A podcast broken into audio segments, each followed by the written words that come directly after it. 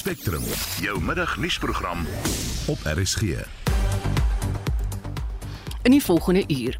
Die bruto binnelandse produk het in die eerste kwartaal van die jaar met 1,9% gegroei.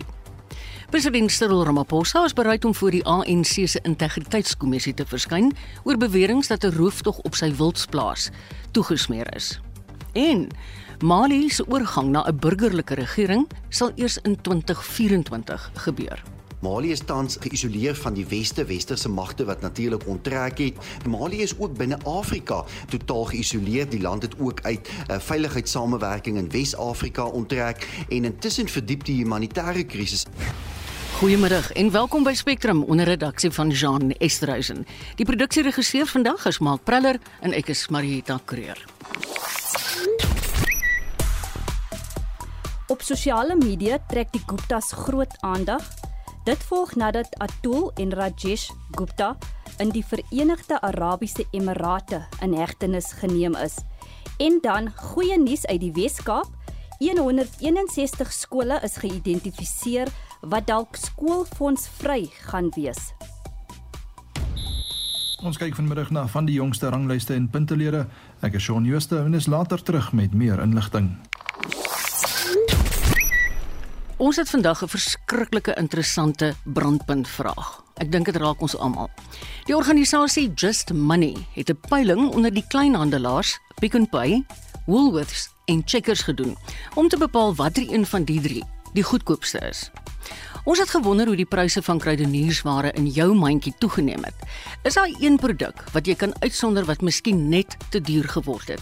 En nou soek jy 'n alternatief of jy gaan eenvoudig nou daarsonder.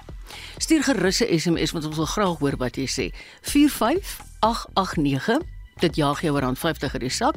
Jy kan ook op Facebook saampraat en 'n stemnota stuur. Dan is daar die Messenger toepassing wat gebruik kan word om 'n stemnota te stuur of WhatsApp 'n stemnota na, hier is die nommer 076 536 6961. Ek herhaal hom 076 536 6961 en sê vir ons watter produk koop jy nou eenvoudig glad nie meer nie of jy vervang hom met 'n alternatief. Welkom terug by Spectrum. Dis nou op pad na 7 minute oor 12. President Cyril Ramaphosa is bereid om voor die ANC se integriteitskomitee te verskyn oor die strafregtelike aanklagte wat teen hom gemaak is. Terwyl die DA sê Ramaphosa moet eerlik met die land praat oor die gebeure waarby hy betrek word, eis die UDM dat Ramaphosa tydelik op sy staan totdat die ondersoek na die aanklagte teen hom afgehandel is. Hier is die politieke ontleder Kanya Vilakazi se mening. There's absolutely nothing wrong with the president of the country stepping aside for momentary time so that the deputy president can assume the role as head of state pending his investigation on the matter. Vir sy mening sluit 'n politieke ontleder en adjunkfisiekanselier van die Fort Hare Universiteit, Dr Oscar van Heerden, by ons aan. Goeiemôre Oscar. Goeiemôre Mariet en goeiemôre aan die luisteraars. Stem jy saam met Vilakazi en die IDM? Dink jy Ramaphosa moet op sy staan? Nee, glad nie. Ek stem nie saam nie. Uh die feit van die saak is Marietas, ons weet nie al die feite nie. En ek dink dis 'n bietjie te vinnig om te spring en te sê daar's daar's daar's iets wat die, die president verkeerd gedoen het. Ons ons het nie al die feite nie en gegee hierdie onsekerheid, dink ons ons moet seker maak dat die die die ons ons hoor nou die valke is besig om die saak te ondersoek. Hulle moet vir ons sê uh in die in die kortste moontlike tyd beperk om te sê daar is moontlik iets verkeerd hier. Ons het 'n uh, uh, vraag wat geantwoord moet word. Um en gegee daai feit sal ons miskien 'n geselskap of gesprek kan hê om te sê die president moet een kant toe staan. Maar op die oomblik, jy weet ons ons almal is net besig met spekulasie. Ja, dis dalk 'n bietjie prematuur. Presies, dis bietjie prematuur. Uh, daar daar was 'n groot som geld in die president se se huis in die, op die plaas. Ehm um, dit was gesteel. Ehm um, dit was aangemeld aan sy sy veiligheids uh, uh, mense uh, en so en so voort. Wie is verkeerd? Ons weet nie. Mm. Was daar iets verkeerd gedoen? Ons is nie seker nie. En gegee daai feite dink ek dis 'n bietjie net te vroeg om te sê die president moet een kant toe staan. Oscar, hoeveel vertroue het jy in die integriteitskommissie se werk in die verband? Praat ons nou van die ANC. Ja. Man, Kyk, ek het eintlik baie vertroue in die integriteitskommissie. Hulle het nie tande nie. Ehm um, by die laaste konferensie van die ANC uh, was daar gesels en gesê uh, hulle moet meer mag gegee word en so voort. Ehm um, die groot ding wat hulle nou gedoen het en ek dink hulle moet ons moet krediet gee waar dit nodig is. Die die op op, op sy staan 'n uh, storie het tog gewerk. Ehm um, en dit was 'n dit was 'n resolusie van die ANC konferensie mm. en ek dink die integriteitskommissie het gesê dit moet geïmplementeer word en inderdaad dit het, het gebeur. Maar die feit van die saak is daar's baie baie lede in die ANC veral in die leierskap wat eintlik nie die integriteitskommissie uh, ernstig opvat nie. Die leier van die DA sê intussen Ramaphosa moet oop kaarte met die land speel om sy geloofwaardigheid te behou. Kom ons luister na John Steenhuisen se bekommernisse. There are far too many unanswered questions about the robbery itself, and particularly the failure to report it to the South African Police Service. South Africans deserve to know whether the president has no faith in the SAPS.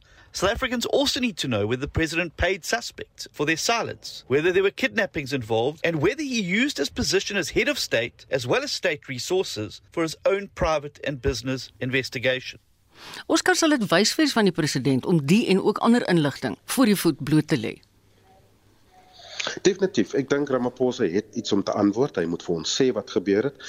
Hy moet eerlik wees. Ek stem saam. Hallo, alhoewel ek wil net een ding miskien sê uh, rondom die die die die kwessie van die Suid-Afrikaanse polisie. Die feit van die saak is uh eh, Marie, jy weet, uh, toe ons ge, toe ons ge, gesê was deur die hof dat die oud president Zuma moet na 'n korrektiewe dien uh, korrektiewe mm. dienste fasiliteit gebring word want hy is nou in in minagting van hof. Het baie mense gedink jy het jy het gesien baie van sy ondersteuners het daarna in Kandla toe gegaan en hulle het gewag vir die polisie nie 'n polisie uh, vervoer voertuig gaan hier inkom om die president te kom haal nie maar dit vergeet een baie baie een klein feit en dit is die oud president word beskerm deur die Suid-Afrikaanse polisie. En toe die tyd kom, het die die minister van polisie net 'n oproep gemaak na een van daai uh, wagte toe en gesê dis tyd om hom te bring en hulle het gesê meneer president kan ons gaan want hulle is die Suid-Afrikaanse polisie. Dieselfde ding is hier aan die gang. Die president sê vir ons toe hy toe toe hy hoor van die inbraak, het hy vir die leier van sy vir uh, veiligheids uh, taak taak mag dit aangemeld en in, in sy mening want hulle is die Suid-Afrikaanse polisie. Mm. Het hy dit aangemeld by die polisie en gesê kan jy hierdie ondersoek verder vat. Ehm um, so ek dink dit is heeltemal waar wat Steenhuisen sê en sê hoekom het hy nie na die polisie toe gegaan nie? Hoe uh, het hy nie vertroue in die polisie nie? Hy het dit aangemeld by een van die uh afdelings van die Suid-Afrikaanse polisie. So daar kan 'n klankie van politieke ry wees. Nou daarvan gepraat. Die ANC kies in Desember nuwe leiers. Hoe dink jy beïnvloed hierdie verwikkelinge Ramaphosa se ondersteuning binne die party? Dink jy hy gaan skade ly? Ja, ek dink nie so nie. Ek dink nie so nie. Jy weet uh, ons ons kyk ons kyk ook mos nou na 'n ander tipe ANC lid. Ehm um, jy weet hulle het hulle het, hulle het geen vertroue in hulle minagting van die van die wet. Uh ons het gesien in Mpumalanga het hulle iemand uh, verkies wat op uh, moordsaak staan. Ehm um, in in Itakwini het hulle iemand verkies wat uh, in gedwang is met die reg in terme van die uh, eh, KZN. En so ek dink hierdie gaan gaan skade aan aan aan die president uh, gee nie. Die feit van die saak is tog in terme van Suid-Afrikaners wil ons weet wat is die waarheid, hmm. wat presies het gebeur. Hy het aan hy het sekere antwoorde wat hy vir ons moet gee. Jy weet dit is interessant want mense moet in ag neem hy's besig met 'n klomp pogings om korrupsie binne die party uit te roei. So wat dink jy gaan die beste roete vir hom wees? Kyk, ek dink so, as ons nou kyk na die na die ehm um, die die boodskap wat hulle gegee het die, eh, van die van die presidentskap. Hy sê hy sê basies daar was 'n misdaad, daar was 'n inbraak, mm. hulle het geld gesteel, hy het dit aangemeld. Goed. Dis en dis waar dit stop. Mm. So met ander woorde Arte Freise se aantuigings dat hierdie mense was vervolg, hulle was gevang en hulle was uh uh jy weet teruggebring mm. of hulle of, of wat ook al en hulle was dan vir uh, omgekoop om stil te bly. Dis iets wat die president basies in sy statement sê hy hy ek weet niks van dit nie. Ja. En ja, dit is soos jy sê, daar's twee kante van die storie. Mm. Presies, presies. Ehm um, en aan die einde van die dag wat ek wil graag weet is ek dink almal wil weet was daai aspek van because ek ek, ek dink dit is eintlik waar daar verkeerd gedoen was. As daar vervolging was sonder 'n saak, as daai mense eh, gevang was en, en so voort en inderdaad as hulle ook na Namibië toe gegaan het om iemand te gaan kry daar, dis die tipe van antwoorde wat wat ek dink ons hmm. ons wil hoor. Uh, en die president op hierdie huidige stadium sê vir ons ek weet niks van dit nie. Ja. Heeltemal ander hoofnuus van die dag, um, Oscar. Die Gupta broers Atul en Rajesh is in Dubai in hegtenis geneem en die nuus word wyd verwelkom. Wat is jou indrukke? Ja nee, kyk uh, ons ons almal weet die hele land wil hê daai twee broers moet terugkom en hulle moet kom staan in ons hof en hulle moet skuldig bevind word vir staatskaping op 'n groot groot skaal. Ehm um, hierdie kleiner politieke uh, politikuste en so voort Esma Gashula hulle en dis meer hulle is maar net die die klein die mm. klein uh, minnows jy weet Atul en Rajesh moet kom. Ek dink almal wil hê hulle moet hier kom in in, in ons hof kom staan en skuldig bevind word en tronk toe gestuur word. So ek dink dis hoekom hy nie so groot verwelkom is. Um, ek dink is 'n goeie goeie stap in die reg in die regte uh, rigting. En ons ek ek is seker baie baie Suid-Afrikaners kan nie wag om te sien die dag wanneer hulle vir hulle Suid-Afrika te bring. Ja, dit is baie waar. Baie dankie Oscar. Dit was Dr. Oscar van Heerden, 'n politieke ontleder en adjunk fisiekanselier van die Fort Hare Universiteit. Soos ons net nou in die nuus gehoor het, Statistiek SA het kort voor Spectrum se begin die jongste bruto binnelandse produk syfers bekend gestel. Vir meer besonderhede praat ons nou met die hoof van Suid-Afrikaanse makro-ekonomiese navorsing by Standard Bank, Elna Moelman. Goeiemôre Elna. Goeiemiddag. Die syfers lyk baie beter as wat julle ouens verwag het. Kan jy vir ons 'n bietjie uitbrei? Dit, dit was inderdaad beter geweest en ek dink die een punt wat mense kan uitlig is dat ons nou uiteindelik weer terug is by die vlakke wat ons voor die pandemie was. So dit is baie hmm. verblydende nuus. En as mense dan na die verskillende sektore kyk, dan was hierdie positiewe verrassing nogal breed geweest. Met ander woorde, die meeste van die sektore het so klein bietjie beter gedoen as wat ons verwag het. En dit was dan nou vir al die dienste sektore, so die finansiële en besigheidsdienste, regeringsdienste en persoonlike dienste sektore wat dan nou heelwat beter gedoen het as wat ons verwag het. Wat sal jy dink is die redes hiervoor, Elna? Ek dink ons het ook net die die momentum in die ekonomie 'n bietjie onderskat. Een van die faktore wat natuurlik die ekonomie ondersteun, is die buiteland. Ehm um, waar ons baie sterk kommoditeitspryse gesien het nou vir vir 'n lang tyd en baie keer kry mense amper so so 'n sekondêre of indirekte effek na ruk as as kommoditeitspryse byvoorbeeld ehm um, redelik hoog bly. Wat dan ook positief was is as ons van die spanderingsskandaal van daarna kyk, dan is dit vaste investering wat 'n bietjie sterker was as wat ons verwag het. Met ander woorde, dit is maatskappye wat nou sê ons het nou 2 jaar van herstel gehad, ons het 'n bietjie meer sekerheid oor die toekoms. Dit is nie so onseker soos wat dit byvoorbeeld in 2020 was nie. So ons het nou ons investering bietjie agterweë gelaat vir die laaste 2 jaar en ons kan nou weer 'n bietjie inhaal, bietjie vervanging doen en selfs 'n bietjie kapasiteit begin uitbrei. Jy weet ek is nou bly as jy so verwys na die maatskappye en so aan, maar kan ek jou nou vra, die luisteraars, ek, jy die volgende ene, wat beteken dit vir ons? Die positief wat ons hieruit kan vat is omdat die ekonomie nou reeds soveel herstel het, beteken dit nou firmas begin 'n bietjie uitbrei. So dit beteken dan nou as jy jou werk verloor het in hierdie laaste 2 jaar, is jou kans om om nou werk te kry definitief beter hmm. as wat dit deur hierdie periode was want die diensname moet nou moet nou opvang met met die addisionele produksie wat ons dan nou uit maatskappye uitsien. Die ander positief wat ons hieruit kan vat is dat dit natuurlik baie positief is vir die staatsfinansies. Dit beteken belastinginkomste gaan redelik hoog wees en dit sal dan beteken dat as ons in volgende jaar se begroting ingaan, dat die waarskynlikheid dat ons belastingverhogings nodig gaan hê baie laag gaan wees. Jy dink dis goeie nuus Elna. Baie dankie. Dit was Elna Moelman, die hoof van Suid-Afrikaanse makro-ekonomiese navorsing by Standard Bank. Jy luister na Spectrum, dis 18 minute oor 12. Kenners waarsku dat Mali se weiering om 'n burgerlike regering daar te stel verrykende gevolge inhou, nie net vir die land self nie, maar vir die hele vasteland van Afrika en ook die res van die wêreld. Na die militêre staatsgreep in Augustus 2020 is daar nog nie weer 'n demokratiese verkiesing gehou nie. Die huidige leierskap sê dit gaan nou eers in 2024 gehou word. Vir meer hieroor praat ons met Solidariteit se internasionale kommentator Jaco Kleinhans. Goeiemôre Jaco. Goeiemiddag Marita. Jy's een van die wat sê dat Mali hom toenemend van die res van die wêreld gaan afsonder. Hoe erg is hierdie afsondering?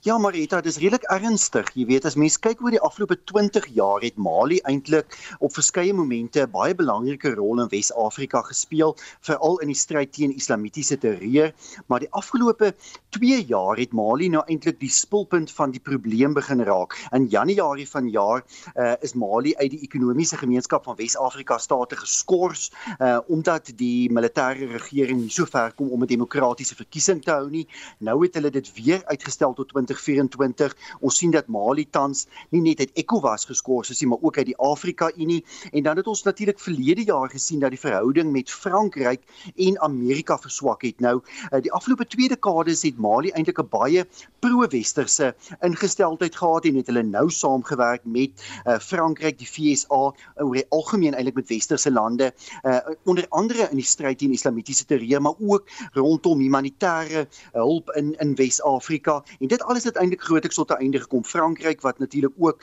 tans besig is om sy magte heeltemal aan Mali te onttrek. Mm. So die land funksioneer geweldig geïsoleerd en dit het natuurlik ernstige gevolge vir die mense van die land maar ook vir die stryd teen terreur.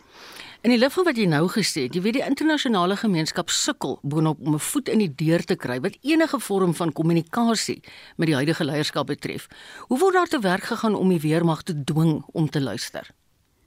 Ja, kyk wat op hierdie stadium gebeur is basies dat uh, die ander Wes-Afrika state um ekonomiese druk op Mali probeer plaas. So tans uh, is een van hulle groot uitdagings dat die regering se se fondse by die sentrale bank van Wes-Afrika state bevries is.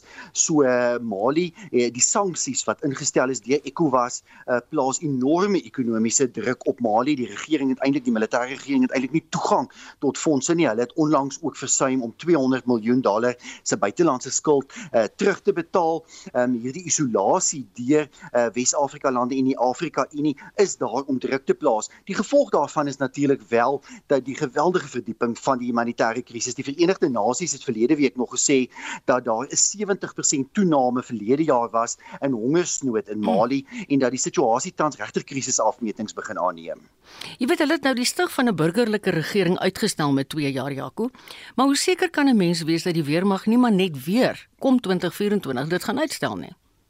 Kyk, dit is presies die die die vraag eh uh, Marita. In 2002 ehm um, is daar 'n demokratiese bedeling ingestel in Mali. Dit het gehou tot Januarie 2012 toe die geweld natuurlik in die noorde van die land uitgebreek het. Ehm um, en toe het ons 'n militêre staatsgreep gesien en daar was weer 'n paar jaar stabiliteit toe die staatsgreep van 2020 en sedertdien eintlik 'n uh, groot onstabiliteit met mm. 'n militêre regering wat uh, wat tans uh, almekaar eintlik die datum bly uitstel. Eers sou die verkiesing vroeër verjaar plaasgevind het. Toe het hulle gesê 2025 en nou onderhandel hulle rondom 'n soort van skikking van 2024 met die voorwaarde natuurlik dat al die sanksies opgehef moet word. So op hierdie stadium is daar ook 'n vertrouensbreuk uh, tussen hierdie militêre regering in Mali um, en um, eintlik al die buitelandse magte met wie hulle te doen het binne Afrika maar ook die res van die wêreld. Um, en en hierdie vertrouensverhouding um, natuurlik uh, lei daartoe dat uiteindelik uh, die gewone mense in Mali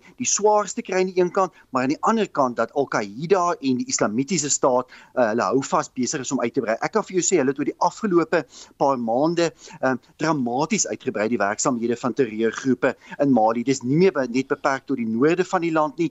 Jy vind nou weeklikse terreuraanvalle selfs in die suide van Mali. Ek kan onthou Jaco Toe die staatsgreep gebeur het, het die inwoners van die land letterlik in die strate fees gevier. En jy sê nou die mense kry swaar, maar hoe weet ons hoe voel die burgers van Mali? Ja, dis moeilik om te bepaal wat 'n mens wel weet en wat die inligting wat tot die mense beskikking is is natuurlik dat daar baie ehm um, uh eintlik baie propaganda was in Mali teen uh westerse magte se invloed, veral teen die Franse uh se invloed. Ek dink dis een van die redes ook hoekom Frankryk besluit het om sy magte uit Mali te onttrek. So daar was eintlik 'n soort van burgerlike verset hmm. teen die teenwoordigheid van westerse soldate uit uit Frankryk, Amerika en ander Europese lande. En dit was deel van hierdie opstand gewees die die militêre militêre leiers het 'n soort van populistiese opstand gelei teen uh, buitelandse magte en hulle het eintlik buitelandse magte die die sondebok gemaak van die probleme mm. in Mali. Ek dink wel dis besig om te verander. Soos wat hierdie humanitêre krisis verdiep, mense al hoe meer swaar kry, daar al hoe meer vlugtelinge is. Jy weet net verlede jaar 350 000 uh, mense wat gevlug het as gevolg van terreur in Mali. Um, so is daar ook 'n toename van mense wat sê maar uh, die land moet terugkeer na demokrasie, dan moet 'n burgerlike regering verkies word. Nou dit kan natuurlik alles bydra tot verdere interne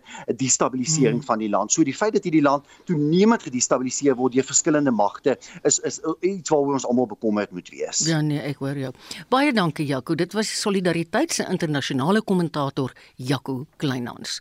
1225 Die familie van die skrywer op wie se artikel die Loket treffer Top Gun gebaseer is. Dagvaar nou die rolprentvervaardiger Paramount Pictures. Volgens die familie beskik die maatskappy nie oor die kopiereg vir die tweede Top Gun rolprent nie. Paramount sê egter daar is geen meriete in die aanklagte nie. Intussen het die rolprent wêreldwyd sowat 8,5 miljard rand gemaak. Dit net in die eerste 10 dae op die silwerdoek. Op Twitter bly die Senzo Maiwa hofsaak 'n gewilde onderwerp.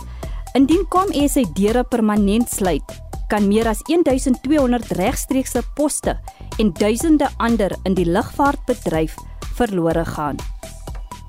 Val ek vir Bianca so sleg in die rede, skuis Bianca, dis nie teen jou nie, hoor, dis net dat ek 'n donker oomblik gehad het.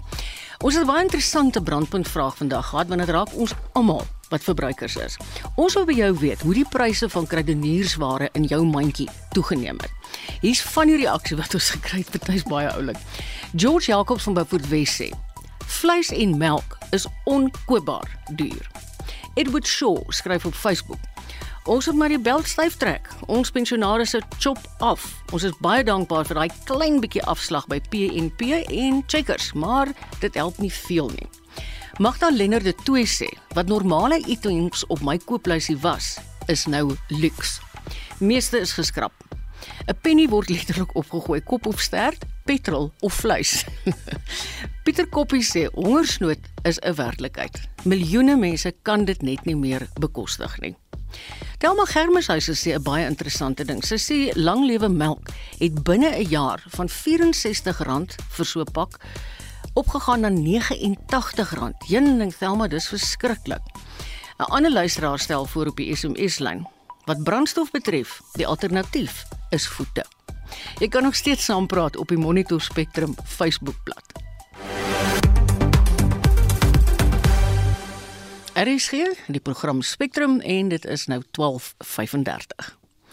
Weens die vertragings by die Durbanse hawe, het dit graanuitvoerders gedwing om ander uitvoerroetes te vind. Die Oos-Londense hawe word nou vir die eerste keer in 10 jaar weer familieuitvoere gebruik en dis net om die druk te verlig. Ons praat nou met die uitvoerende direkteur van die Suid-Afrikaanse Vereniging vir Graan en Oliesadehandelaars, Dr. Andrei van der Vyver. Goeiemôre Andrei. Goeiemôre Marieta. Hoe dit gebeur? O, dankie. Hoe dit gebeur dat julle nou weer die hawe kan gebruik om besendingsmielies uit te voer? Ja, dit is reeds vir 'n geruime geruime tyd in die afgelope 2 jaar het daar meer is daar meer mielies geproduseer uh, en die, die produksie van mielies styg vinniger as die vraag. So dit was duidelik dat daar surplus is sal wees. So in in laaste seisoen is daar heelwat uh, mielies uitgevoer deur Durban hawe, maar uh, die Durban se hawe is vol geboek. In in November laas jaar het uh, my uitvoerlede versoek dat ons ondersoek kon instel en probeer kyk hoe ons Londen oop te maak. Hmm. So ons het toe nou uh, met al die partye vergader gereeld uh, elke maand en probeer kyk wat is die geleenthede en wat is die probleme wat wat daarmee saamgaan.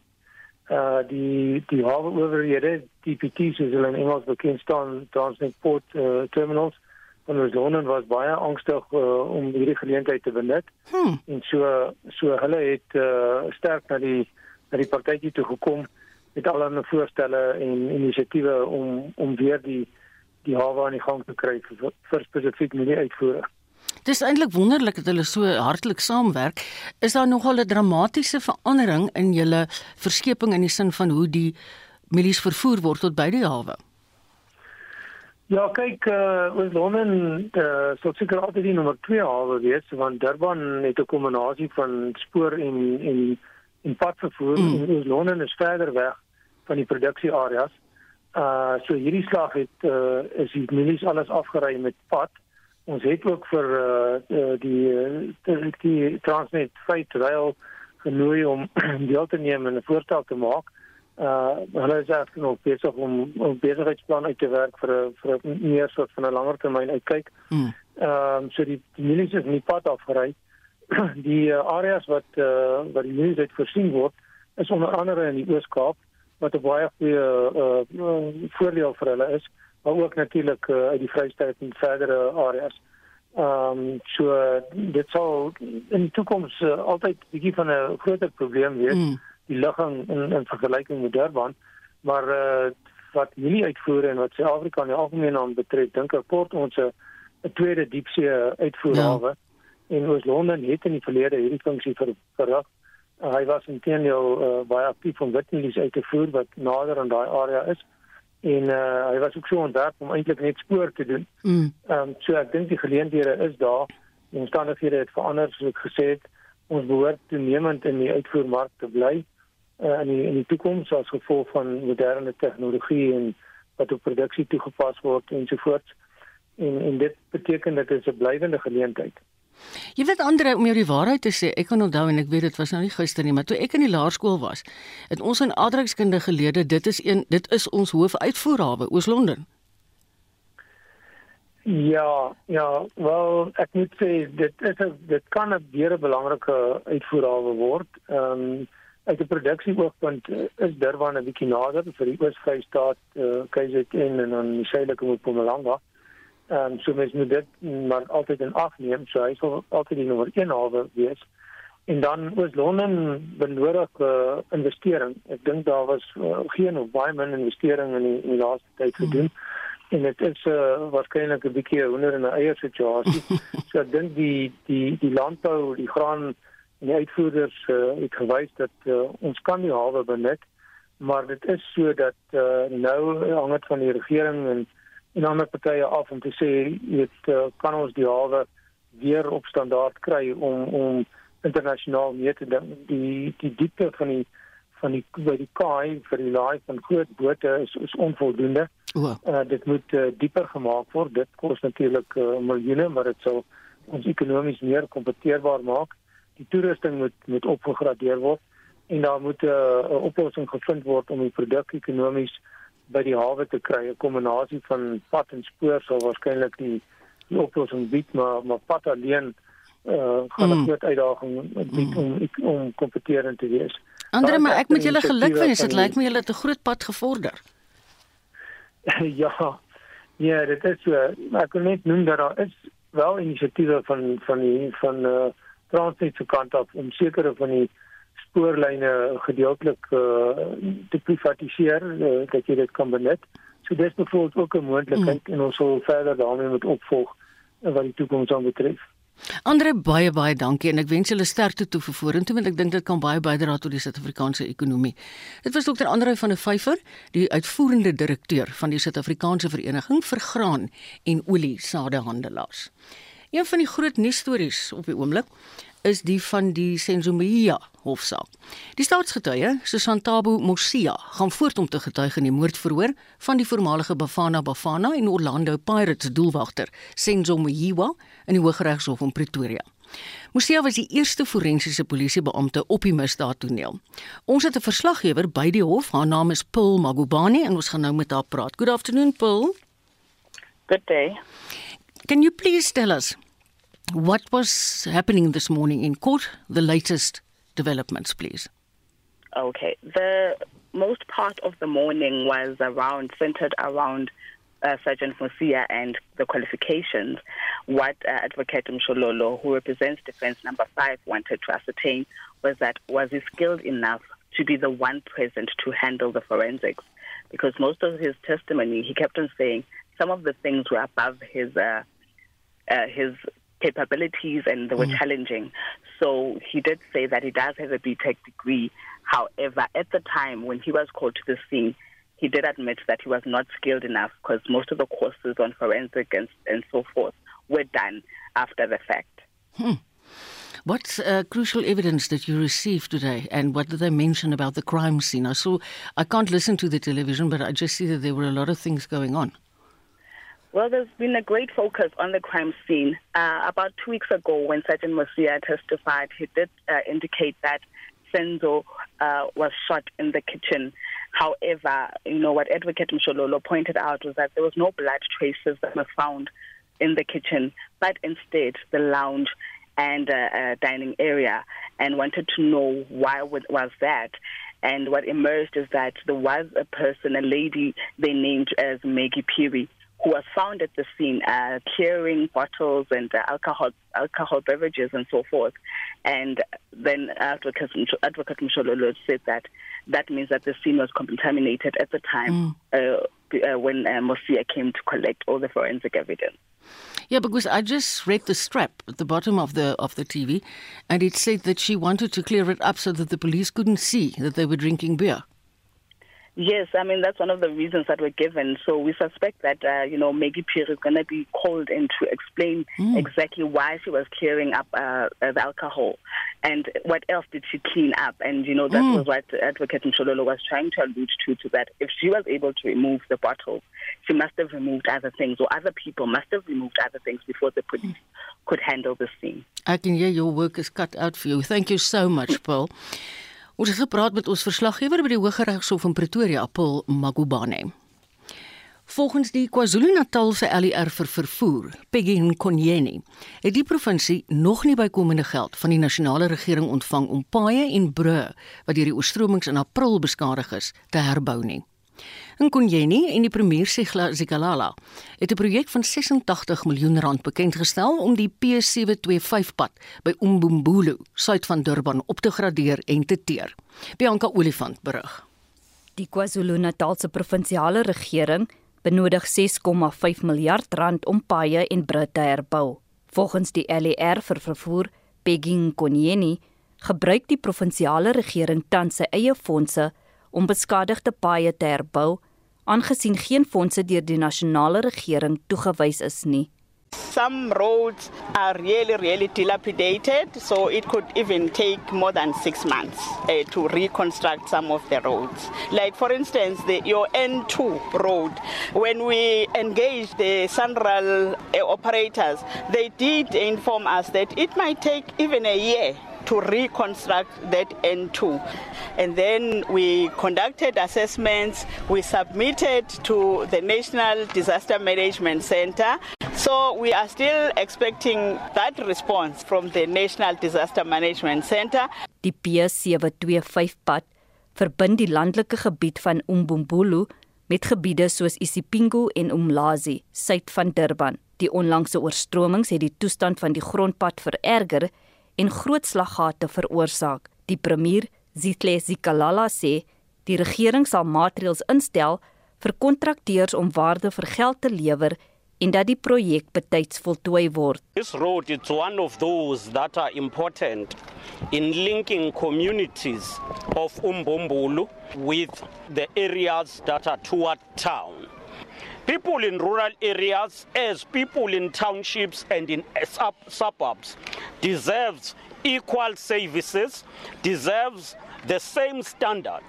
We would want to be emphatic. One of the shortcomings that we've identified is that in most cases we will start building roads, but because of whatever reason, project will not be completed. And we're going to put in place tight monitoring system and therefore we are going to plan and monitor that. Die gemeenskapslede het die nuus verwelkom om die pad te herstel en op te gradeer. Sijabule kakhulu ngoba manje nami ngithe ngifika We are very happy because when I came to live in this area, I was puzzled as to why this road is gravel, while in other areas they have tarred roads. But today I'm very happy that this road will be tarred, and cars will now drive in a nice road and less vehicle repairs for the owners. Ngenxa yezikhukhula phela izikhukhula zimoshe kakhulu Because of the recent floods, this road was further damaged, resulting in big potholes. Now our area will now have a decent road that is good to public transport and to us people who are using the road. Nkonyeni sê dit kan 'n jaar neem om van die paaie en brûe wat deur die oorstromings beskadig is, te herbou. Vusi Makosini, het die verslag saamgestel. Bianca Olifant, SAK nuus. Verskeie gemeenskappe sê hulle het vertroue verloor in die Mangaung Metro in die Vrystaat. Nou vorm hulle selfgroepe wat verseker dat daar dienslewering is. Sommige inwoners sê hulle betaal vir dienste wat net nie gelewer word nie. Die Mangaung Metro gaan gebuk onder swak dienslewering, politieke onstabiliteit en finansiële wanbestuur. Annelien Moses het meer besonderhede. Slaggate en onklaar paaie is 'n algemene gesig in die Mangaung Metro. Die metro sluit die regterlike sentrum van Bloemfontein sowel as Botshabelo, Tabanchu, Soutpan, De Wetsdorp, Wepener en van Stadensrus in. Inwoners van die metro sê hulle word elke dag gedwing om paaie te gebruik wat in 'n haaglike toestand is. Die paaie rig groot skade aan hulle voertuie aan en dit word vererger deur die stygende lewenskoste. Dit is wat sommige inwoners te sê gehad het.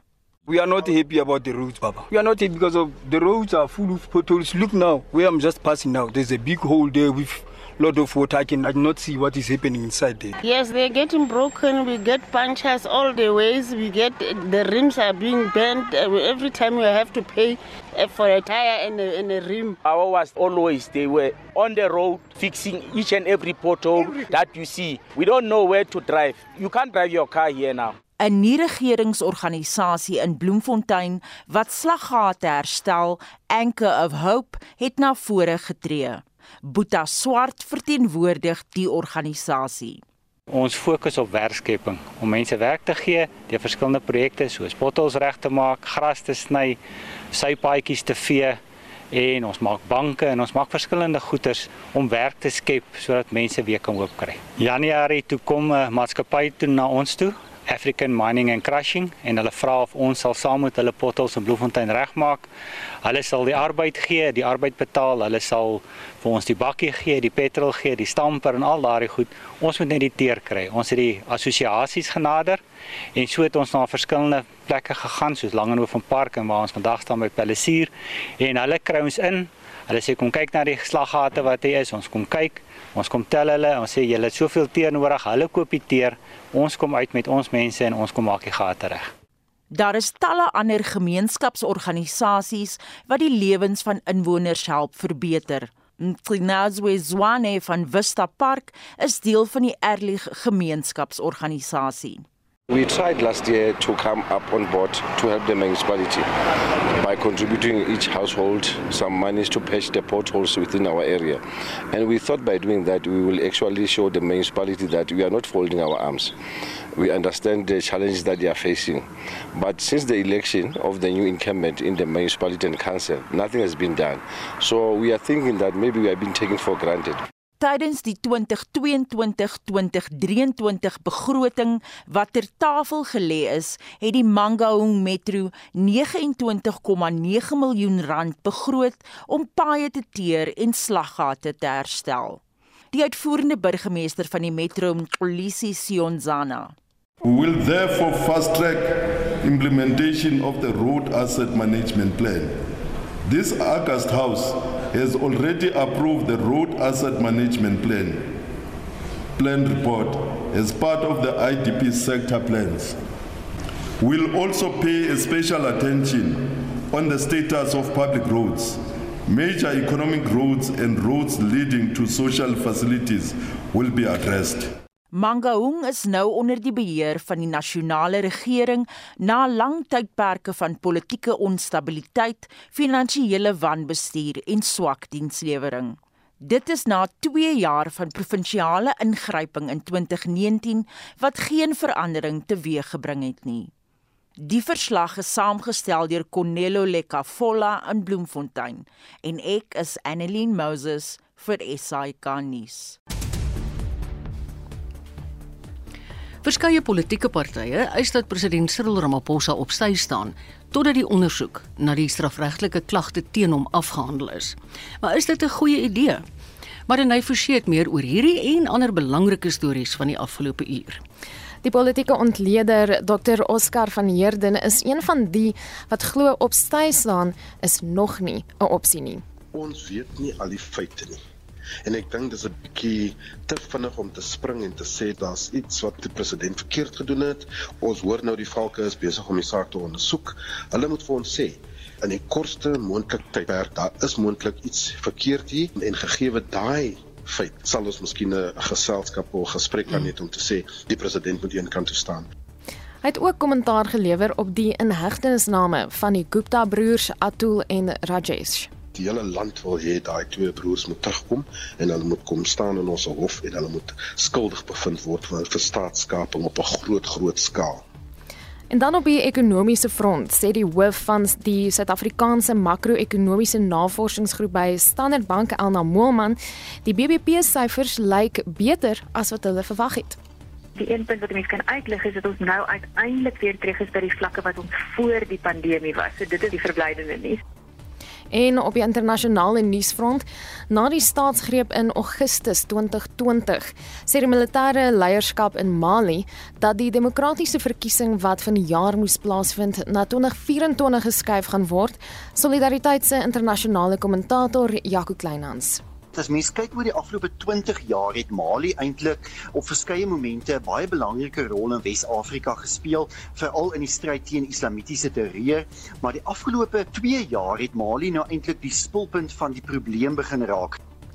Die feit dat die Britse premier Boris Johnson die mosie van wantroue teen hom oorleef het, trek ook heelwat aandag. In Brandpunt om 'n kwart voor 6 kan jy meer hiervan hoor en jy kan ook hoor hoekom hy eintlik bekommerd moet wees hieroor. En dan terug op plaaslike vlak. Uh in Allenrail Ridge in die Vrystaat. Laat ek net gou weer daai sê. In Allen Ridge Mooi. in die Vrystaat. Dankie Marieta. Ek het jous geoefen voordat ek ingekom het. Dis 'n tongknoper. Um verskeie boere daar het met die provinsie se premier vergader oor die onverwagte sluiting van die R30. Nou dit is naby silo's en kan na bewering 'n groot impak hê op die omgewing. Vrystaat Landbou se Jack Amer het kort tevore met ons gepraat. Die premier het uh, voet half neergesit dat die pad toegemaak gaan word. Boere moet maar die ompad gebruik en die staat sal die boere help om die ompad te onderhou. Maar die boere het glad nie daarmee saamgestem nie. Hulle het gedink 'n brug is heeltemal onnodig en dat 'n ompad ongelooflik meer geld en tyd en moeite gaan verg. Nou dit is 'n storie wat ons hier op Spectrum brandpunt monitor dophou. Dit was Jack Amer van Vrystaat Landbou. Ja, want jy weet al die oeste is nou in en dit moet nou eendag van 'n tyd silo's toe gaan. Nou is die pad net toe. Dit gaan 'n geweldige invloed hê. En as jy gaan kyk na foto's, dit is baie baie naby aan silo's. Daar's ook groot hope sand binne in die pad. So dit is mm. baie moeilik om al klaar daar te ry. En mense sal ook dan nou hoor wanneer ons nou die storie bietjie verder vat. Ons het bietjie met Jack gepraat. Dit gaan alles hierso oor die ompaaie wat heeltemal te ver is en dit dit is nie 'n goeie ding vir boere nie want dit het al reeds baie hoë insetkoste. Dis die waarheid. Onthou om vanmiddag kwart voor 6 in te skakel op Brandpunt. Dit is net na Willem se spitstyd. Dan kry jy 'n opsomming in 'n neutedop van die hele dag se nuus. En jy kan natuurlik ook na ons webblad toe gaan, rsg.co.za, as jy vorige uitsendings van Spectrum monitor en al hierdie nuusprogramme en aktualiteit weer wil beluister.